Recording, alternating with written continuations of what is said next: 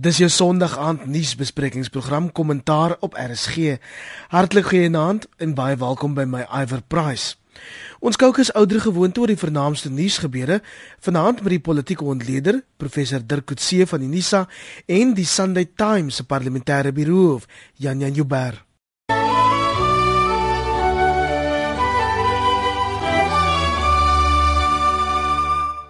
Kollegas, kom ons begin vanaand by 'n bevestiging wat ons vroeër vanoggend gekry het dat Collins Chabani, minister in staatsdiens en administrasie, die naweek in 'n motorongeluk oorlede is. Jan Jan, dis nog hulle verlies. Dis beslis 'n verlies. Iwer Collins Chabani was ongetwyfeld een van die meer bekwame lede van die Zuma kabinet gewees. Uh, ons het die eerste keer met hom te doen gekry in uh, 2009 op 'n nasionale vlak toe hy um aan die hoof gestaan het daarvan om die Motlanthe administrasie te laat oorskakel na die Zuma administrasie wat 'n baie gladde oorgang was. Twee hy minister in die presidentskap geword, een van twee, die ander een was Trevor Manuel en Shabani se verantwoordelikhede was was gewees om um, monitering en om basies te kyk dat die ministers hulle werk doen. Nou kan mense seker sê dan het hy nie baie goed gedoen nie, maar in die mate waartoe daar um, orde in die kabinet was, dink ek het hy baie daarmee te doen gehad. Hy um, was ook een van die min wat vir Zuma in toom kon hou. Um dit was altyd duidelik dat Zuma baie na hom geluister het in daardie posisie en van tyd tot tyd van die erger vergrype en ek dink byvoorbeeld hier aan um die die mylbandwet en daai tipe ding was Shabani baie meer 'n redelike persoon met wie mens kon praat om jou kwessies op die tafel te sit. Nou sedert laas jaar se verkiesing het hy 'n stiller rol uh vertolk as minister van staatsdiens en administrasie. Um wat 'n baie moeilike taak is en en ek dink dis 'n slegte tyd nou. Dis altyd 'n slegte tyd vir iemand om oorlede te wees, maar um spesifiek nou wat in die aanloop tot die um staatsdiens onderhandelings vir loonverhogings en salarisverhogings waar die staatsdiensvakbonde regtig onredelike eise stel, dink ek uh, ons gaan vir hom mis. Ook gaan mense hom mis omdat hy was baie goeie saksofoonspeler en 'n baie goeie musikant gewees en hy het net 'n stukkie menslikheid gehad wat 'n mens dikwels mis by van hierdie middelmatige politici waarvan ons land te veel het. Dirk, hoe gaan jy hom onthou? Wel, daar's verskeie aspekte dink ek wat 'n mens kan na, na uh, kan onthou. Die eerste een is dat hy ek dink sy politieke deurbraak het gemaak um, in die uh, wat hulle genoem het die beleidseenheid binne die die kantoor van die da, op daardie stadium sekretaris-generaal van die ANC Galema Motlanthe Um, en dit het hom in ingetrek um, in die in die regering in en um, dit lyk asof dit 'n plek was waar daar 'n redelike ontwikkeling was van talent binne die ANC. Ehm um, daarna die een nadat hy minister geword het in 2009, hy was altyd die tipe van 'n persoon wat baie nederig was. Hy wou nooit regtig ek wys dat hy in 'n in 'n sleutelposisie binne die regering was nie. Die vraag vir hom hoe, hoe voel dit om so na president Zuma te beweeg binne die presidentskap en um, en om so deel van die besluitnemingsproses te wees. Dis sê wel, het dit in Engels gesê, well I'm just carrying his, his suitcase.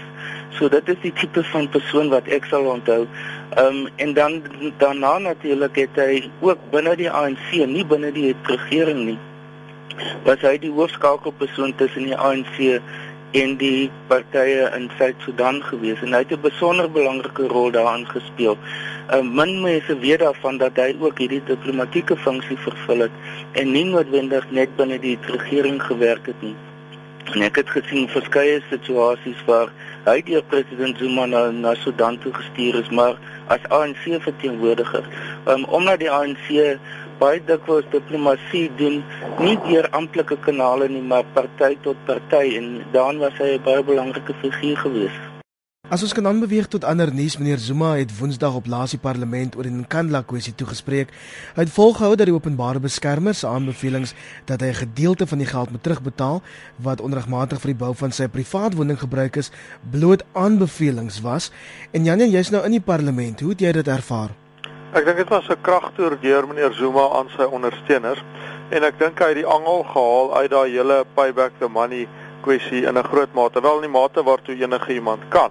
Want kyk, die mense wat sê um, betaal terug die geld het definitief 'n punt weet, maar um, ek het gedink dit was 'n meesterklas in in hoe om 'n politikus te wees, nie 'n staatsman nie, 'n politikus en ek dink hy het sy eie mense baie beïndruk.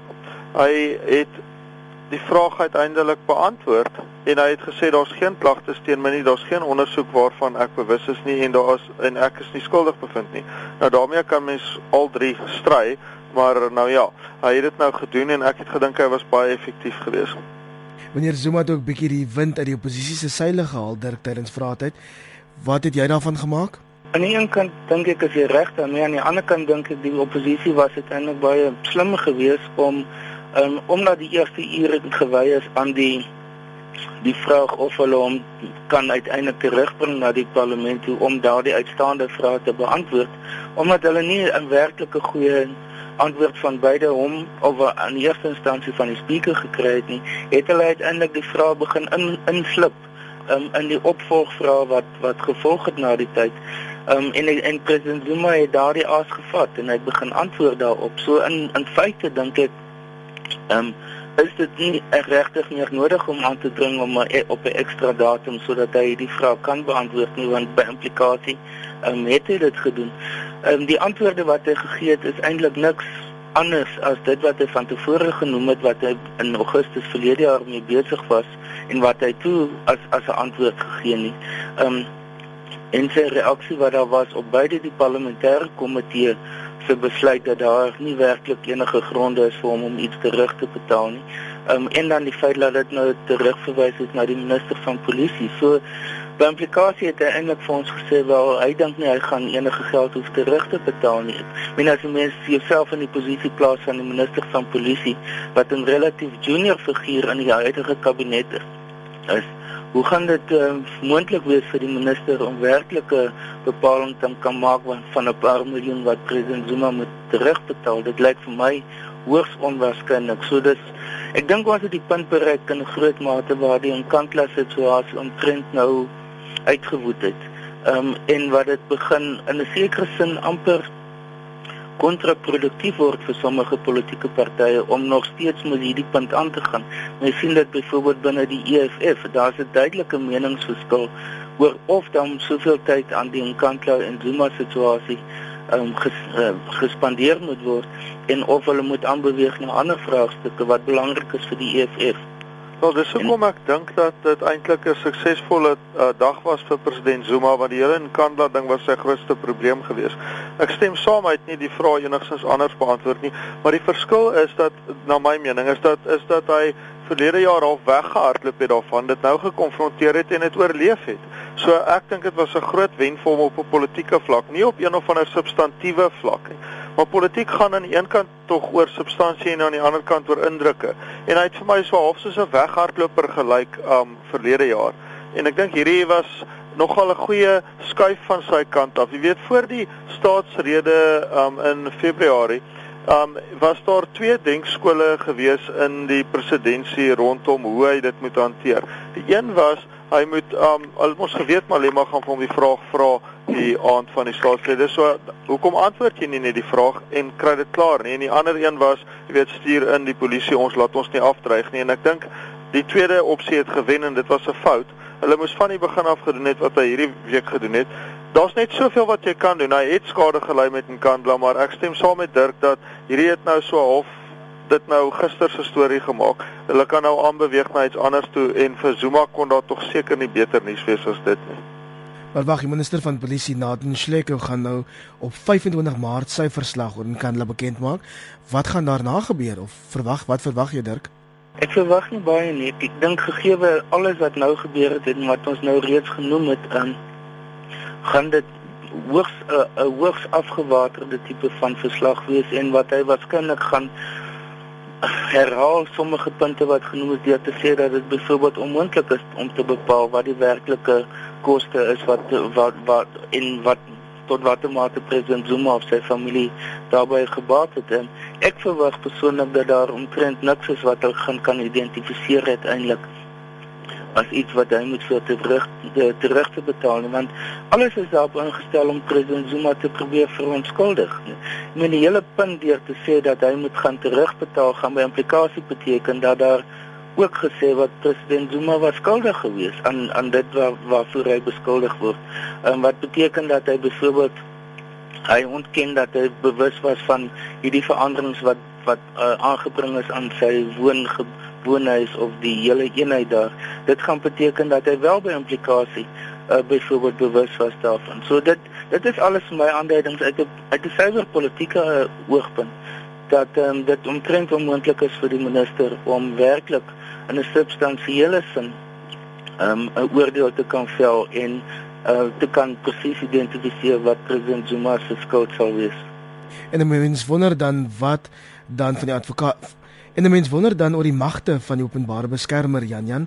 Ehm um, daar's baie mense wat nou sê dat ehm um, advokaat Tuli Maronsa is advokaat Tuli Maronsela meer blaf as byt het.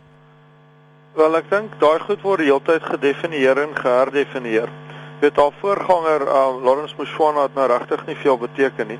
Sy daai daai pos geherdefinieer en nou word hy weer vir haar geherdefinieer. Ek dink wel sy is 'n verswakte posisie na die hele gemors want um die basiese bevinding van die parlement is dat sy slegs aanbevelings kan maak en nie bevindings nie. En dit lyk my dit staan dis 'n geweldige terugslag vir ons demokrasie en vir die bevegting van korrupsie.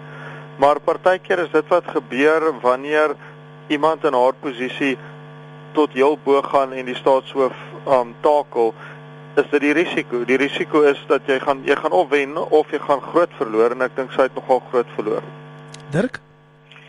Ja, ek dink die die hele kwessie rondom ehm um, die Nkandla ehm um, het uh, die funksies en die magte van die openbare beskerming natuurlik op die tafel gesit. Ons weet daar was 'n verskeidenheid van hofuitsprake gewees daaroor en daar was uiteindelik ook verskillende tipe van uitsprake.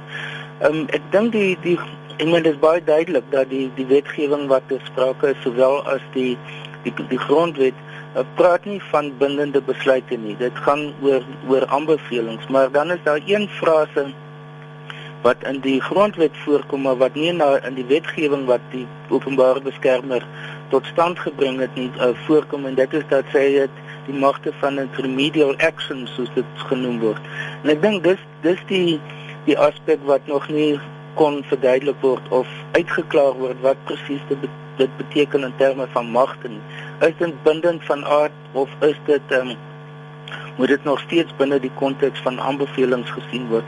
Want dit is wel 'n 'n punt wat niemand kan of 'n onaanvegbare punt en dit is dat sy moet ehm um, haar verslag uiteindelik moet sy in die openbaar bekend maak en aan die aan die aan, die parlement voorlê. So die parlement en sy is verantwoordelik aan die parlement. So dit beteken die parlement is die die hoogste gesag. Soos dieselfde geld met byvoorbeeld die ouditeur-generaal ehm um, met die menseregte kommissie aan um, die kommissie vir geslagsgelykheid. Almal van die hoofstuk 9 instellings het, het, het daar dieselfde status. Ehm um, en ek dink dit dit geld vir haar ook, maar dit is die die groot vraag is is tot watter mate die aanbevelings deur ander uh verslae uitgedaag kan word. En dit was die die groot probleem dink ek in tot dusver rondom in Kantla is dat die die verslag van die openbare beskermer nie as die bron van die ondersoek of die komitee werk van die parlement gebruik het nie maar laat hulle toegelaat het dat daar strydende verslae ingebring is wat omtrent dieselfde status gegee is as die van die openbare beskermer. En dit dit dit is na my mening die die problematiese aspek wat hier gespreek is. Nou vernuis uit vakbondgeleedere president Zuma diegene gewaarsku wat sy regering kritiseer en versoening tussen strydende faksies in Kusatu in die wiele probeer ry. Hy het by die herbegrafnis van die voormalige SHKP leier Moses Kotani in Noordwes gepraat en Janjan in 'n bedekte aanval op die leiers van Nomsa neer Zuma beklemtoon dat die ANC nie sal afsien van sy doelstelling om eenheid binne Kusatu te verseker nie. Ja, daai is besig om dit gaan 'n verskriklike lelike bakleierery word. Um meneer Zuma doen 'n in 'n sekere sin wat meneer Mbeki gedoen het nadat die um linkse groeperinge binne die, uh, die drie ledige alliansie begin het om keer en daardie goeters erg te kritiseer. Hy sê vir hulle, "Ja, ek gaan nie verander nie. Jy weet, doen nou maar julle beste." En dit wys vir jou dat daai skering is nou werklik finaal as enige iemand gewonder het. Nou ons kyk baie na Nomsa en um Nomsa die metaalwerkers unie is natuurlik 'n baie belangrike aspek van hierdie wegbreek van Kusatu en kritiek op die ANC. Maar daar's natuurlik sewe ander vakbonde wat saam met hulle gaan wegbreek onder meer die verpleegstersvakbond. En ehm um, ons moet maar sien hoe dit gaan uitspeel. Wat my nogal beïndruk van Nomsa is dat hulle dit so stadig doen. En dan wat ons nie seker van is nie is waar hulle op die ou end gaan opeindig. Dit is duidelik en Dirk het reeds daarna verwys dat die EFF interne probleme het. So gaan ons nou werklik waar 'n werkersparty sien of gaan hulle by die EFF inskakel of gaan hulle lede maar maak soos wat die Kusatu lede maak in die Wes-Kaap en vir die vakbond aan Kusatu behoort maar stem soos hulle wil in die Weskaap stem hulle vir die DA miskien in die Oos-Kaap waar Nomsa sterk is gaan hulle anderster stem. So daar kom baie interessante verwikkelinge hier na die einde van die jaar toe wanneer daardie skeuring voltrek word. Um, president Zuma het nou 'n lyn in die sand getrek. Ek dink dit is 'n lyn wat in 'n sekere sin vir hom getrek is en hy het nou gesê ek gaan my nie laat rondstoot van die linkerkant nie. So uh, ons sal maar sien hoe hy afspeel.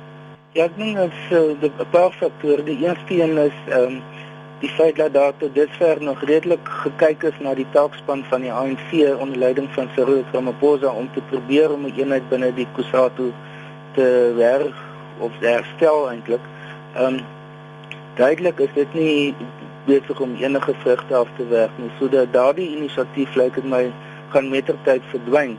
Die die Die groot vraag is in na na my mening wat binne die United Front besig is om plaas te vind want in 'n mate word dit voorgehou as die die politieke alternatief waaraan uh, Nomsa homself kan skakel. Die probleem met, met die National Front uh, of die United Front is dat hulle nie hulle self op die stadium as 'n politieke beweging sien in die sin van dat hulle aan verkiesings wil deelneem byvoorbeeld.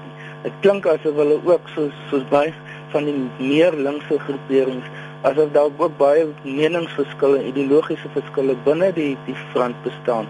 Ehm um, wat beteken dat dit nie noodwendig 'n alternatiewe politieke alternatief vir vir die Nomsa ondersteuners gaan bied nie. En ek dink dis een van die groot kopseere vir hulle is ehm um, as hulle wil wegbreek ehm um, wat gaan die politieke alternatief vir hulle wees want dit is duidelik op hierdie stadium is dit ook nie die EFF nie. Daar's te veel verskille tussen NUMSA en die EFF en dit was een van die redes hoekom hulle nie verlede jaar by die nasionale verkiesing kon saamwerk nie.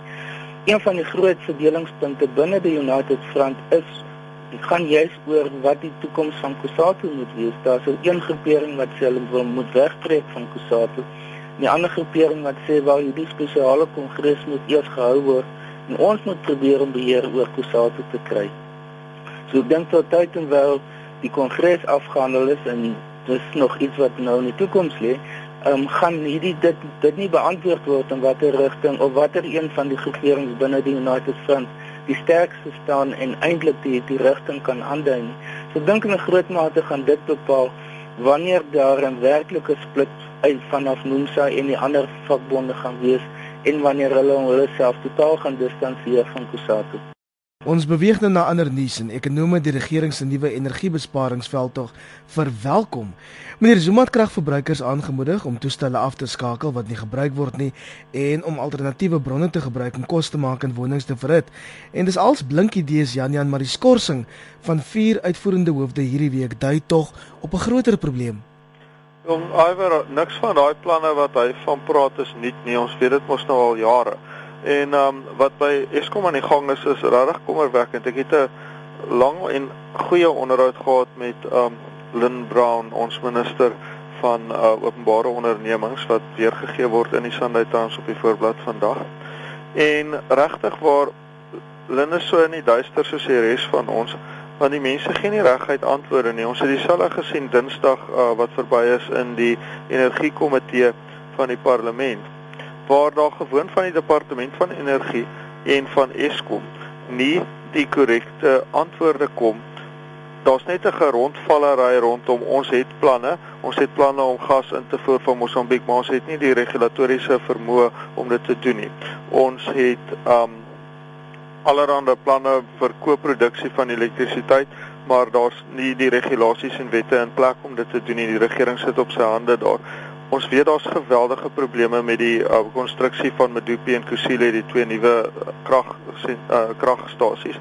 En ehm um, daar is nie duidelikheid in verband met wat presies daar aangaan nie. Daar's geweldige gerugte wat rondloop in verband met mense wat stadig bou en nie goed bou nie en te veel eet en te min werk en so voort baie basiese goeder.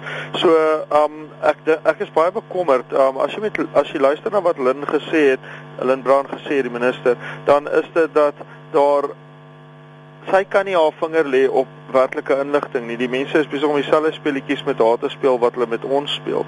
En sy het net basies gesê genoeg is genoeg. Sy het die Eskom um raad gaan toespreek in by Megawatt Park daar naby Johannesburg um op Woensdag en um omtrent 'n uur en 'n half basies in 'n redelike harde stryd met hulle gewees en toe het hulle nog 'n verdere klomp ure vergader. Hulle het uiteindelik vergader van die oggend 10:00 tot die aand 9:00 en die uiteinde daarvan was dat hierdie vier mense geskort is en wat het die vier mense in gemeen? Al vier van hulle het binne inligting en binne kennis en is is werklik waar verantwoordelik vir die bou van hierdie kragsentrale waarop nie alleen ons kragvoorsiening nie, maar ons ekonomiese groei berus. Dirk, wat maak jy van hierdie storie? Dit maak nie sin nie. Ehm um, die feit dat hulle geskort word maar daar dan nie 'n ondersoek teen hulle is nie. Dis een van die eerste punte wat uitkom. Die tweede is is is dat daar nou oor oor 3 maande periode 'n eksterne ondersoek moet plaasvind om te probeer beteken dat uh, Eskom eintlik 'n wanvoorstelling vir ons gemaak het al die afgelope tye. Ja, wat hulle gesê het, hulle is besig met 'n plan van die instelling van of die die voltooiing van die twee groot kragsentrale se derde een is die pipeline. En dan die voorstelling wat president Zuma ook met die staatsrede gemaak het om te sê daar's 'n nuwe energie mengsel wat bestaan uit steenkool, kern, uh, wind en en sonkrag um, en gas en ander ook en dat dit besig is om ontwikkel te word. Nou as en, en dit word voorgestel as die as die nuwe benadering van van Eskom en dat dit 'n nuwe vorm van diversiteit tot stand sal bring wat uh, wat op verskillende die verskillende probleme sal aanspreek om insluitend die omgewingsprobleme en die ehm um, verbintenisse wat die regering gemaak het in die klimaatsveranderingsonderhandelinge. So alle verskillende aspekte word voorgestel en daarin ingebind. Nou met hierdie skorsing en sommige van hierdie persone is maar net vir 'n paar maande nou in hulle posisies gewees en um, dat dit onverwags deurkom en dat dit nie in, dat daar geen werklike beskuldigings teen hulle is oor wat hulle probleme is nie. Um, dit maak dit hoogs problematies. Terselfdertyd die feit dat president Zuma met die staatsrede een aspek nie aangespreek en hy het verwys na hierdie mengsel van energie mengsel um, en, en en dit redelik verduidelik maar hy het nooit Eskom self aangespreek in sy staatsrede nie en die en die bestuursprobleme wat daar bestaan nie so om nou op so 'n manier daarop te, te reageer was eintlik dis baie onverwags um, en die meeste mense en die wat baie meer spesialiseer in hierdie gebied sê dit maak bloot net nie vir hulle sin nie. So ek dink dit is dis een van die na my mening groot onsekerhede oor wat is besig om hier plaas te vind. Ek dink een van die groter debatte en dit is iets wat wat kommerwekkend is omdat mense nie duidelike antwoorde daaroor kry nie is gaan oor die monopolie van Eskom. Aan aan die een kant is daar word dit duidelik uitgemaak dat die monopolie van Eskom en die beskerming van die monopolie van Eskom in 'n groot mate die rede is hoekom ons is waar ons nou is, dat daar nie alternatiewe oor tyd ontwikkel het nie. En Eskom en ander verbind hulle self tot die oopmaak van die mark sodat privaat uh, uh, energieontwikkelaars ook deel kan word daarvan. Maar as dit by daardie punt kom, dan beskerm hulle en trek hulle self weer terug. Ons het ook hierdie week gesien die EFF is baie krities oor die oopmaak van die mark en die wegneem van die monopolie. En ek dink dis 'n groot mate en dis 'n politieke of ideologiese debat um, wat nog nie uitgewoed is nie. En um, tot tyd en wel daar nie sekerheid daaroor is nie, dink ek spoel dit ook oor in die onsekerheid want binne die bestuur van Eskom bestaan. En dan Jan, jy het nog 'n opspraakwekkende hoofberig volgend. Vertel ons daarvan. Ja, ons um, ons kyk na die hele kwessie van Eskom en uh, dan kyk ons na die koste wat daar aan verbonde is om diesel um te gebruik om die kragstasies te laat ten volle produseer terwyl daai ander twee nuus in aanbou is. Nou dis 'n geweldige groot probleem want eerstens jaag dit koste op en tweedens maak dit instandhouding onmoontlik. Uh dit word gesê die departement van energie het Dinsdag gesê dat 'n derde van ons kragopwekkingspotensiaal op enige gegee stadium nie aktief is nie. Dis gebreek. En um die rede daarvoor is dat die kragstasies wat werk word voluit gebruik um met diesel wat dit aandryf. Nou waaroor ons berig vanmôre gaan is hoekom daai diesel by die kragsentrale uit.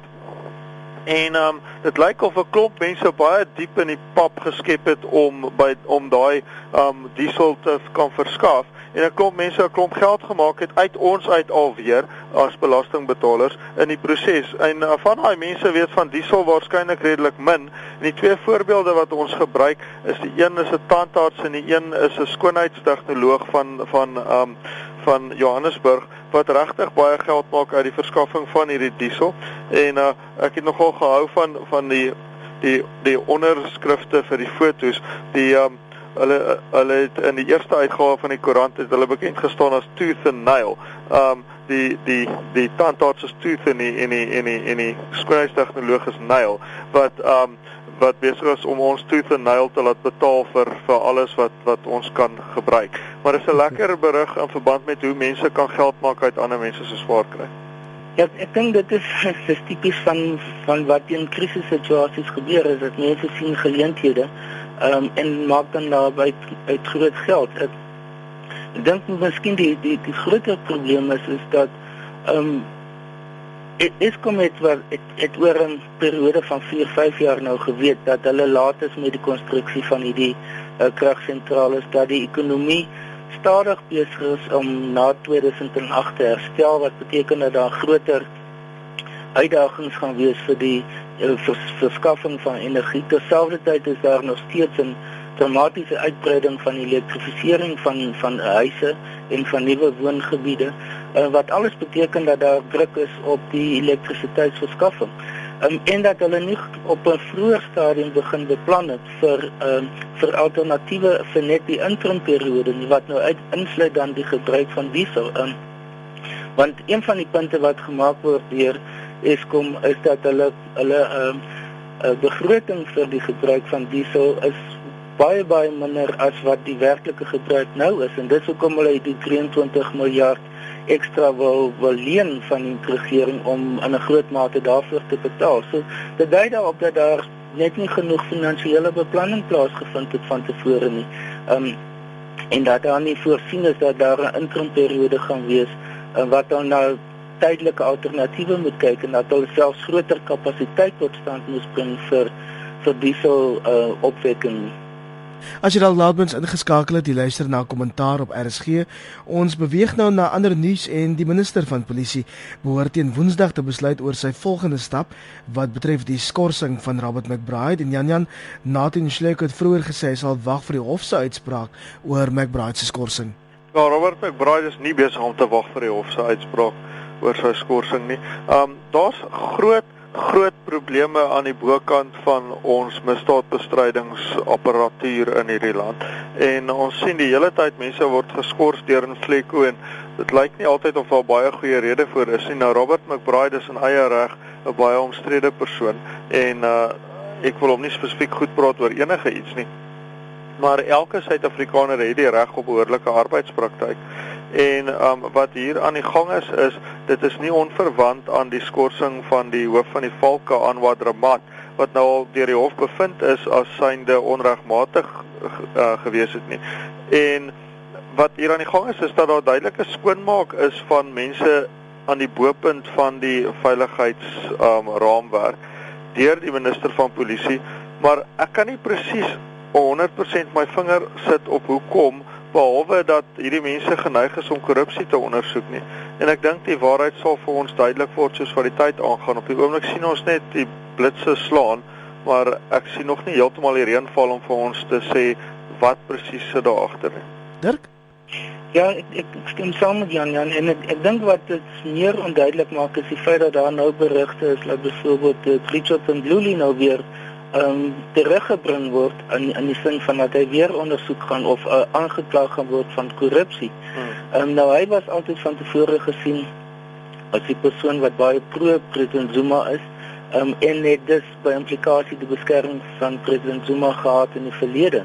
Um, as hy dus nou deur die nasionale vervolgingsgesag vervolg gaan word, um, begin dit hierdie die die, die lyne wat ons in die verlede kon getrek het word nou meer en meer de mekaar. Um, aan die ander kant is daar die ehm um, um, nasionale vervolgingsgesag se se hoof wat waarvoor wat ook ondersoek word, maar hy is nie geskort nie. Ehm um, en hy is nou verantwoordelik of by implikasie verantwoordelik vir vir hierdie aanklag wat gaan moontlik gaan plaasvind.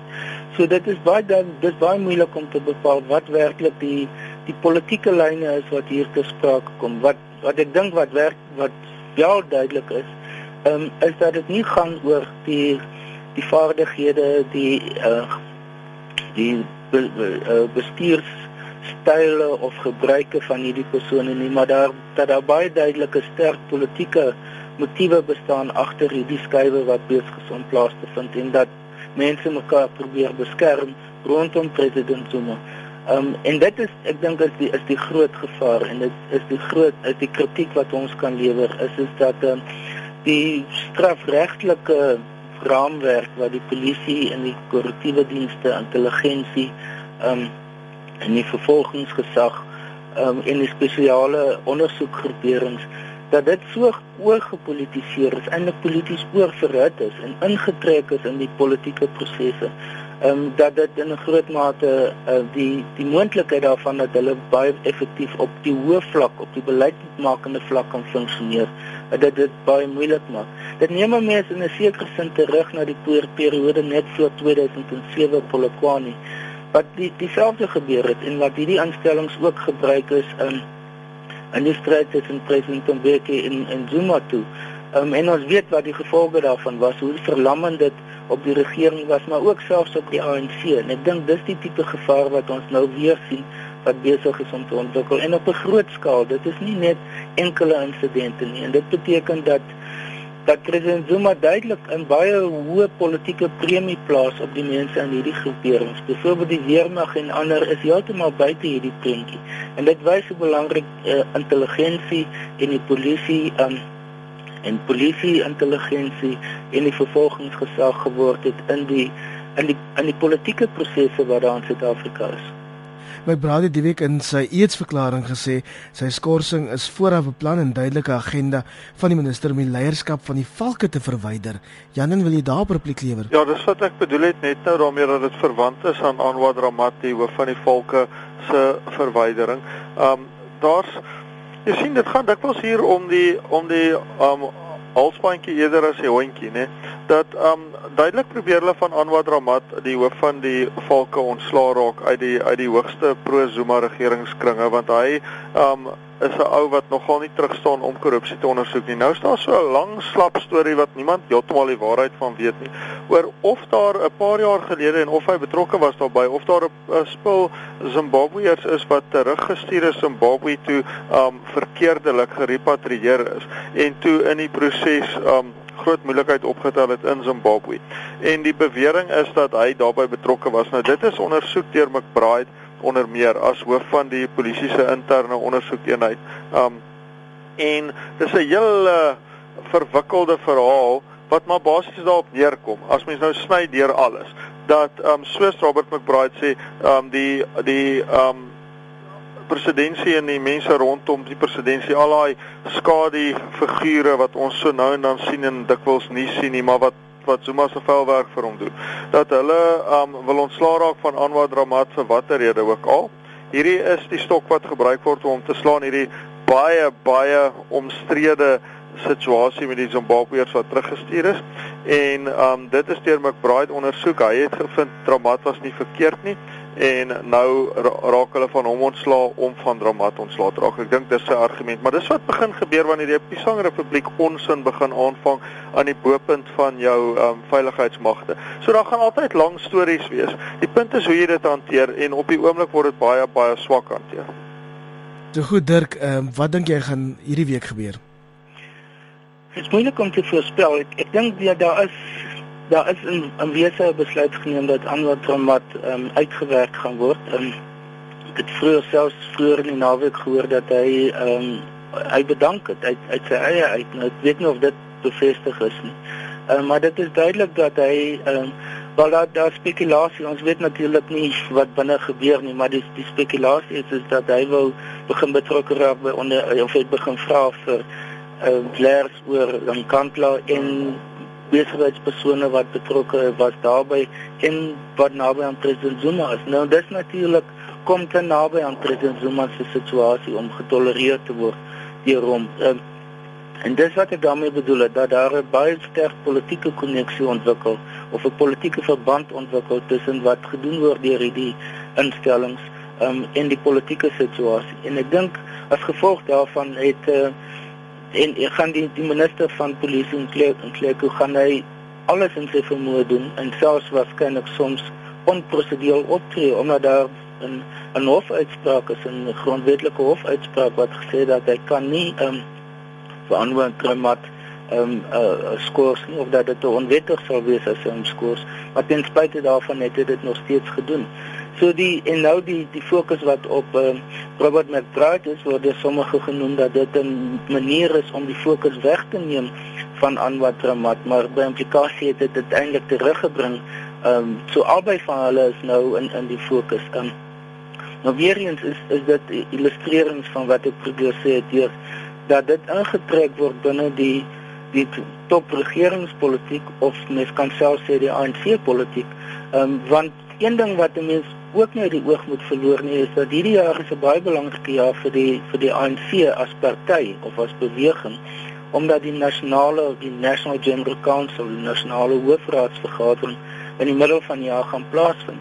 En dis die die enigste werklike geleentheid tussen die verskillende nasionale konferensies um, maar daar tot 'n mate aan aanduiding kan wees waar staan persone hooffigure binne die ANC in terme van ondersteuning aan die ANC.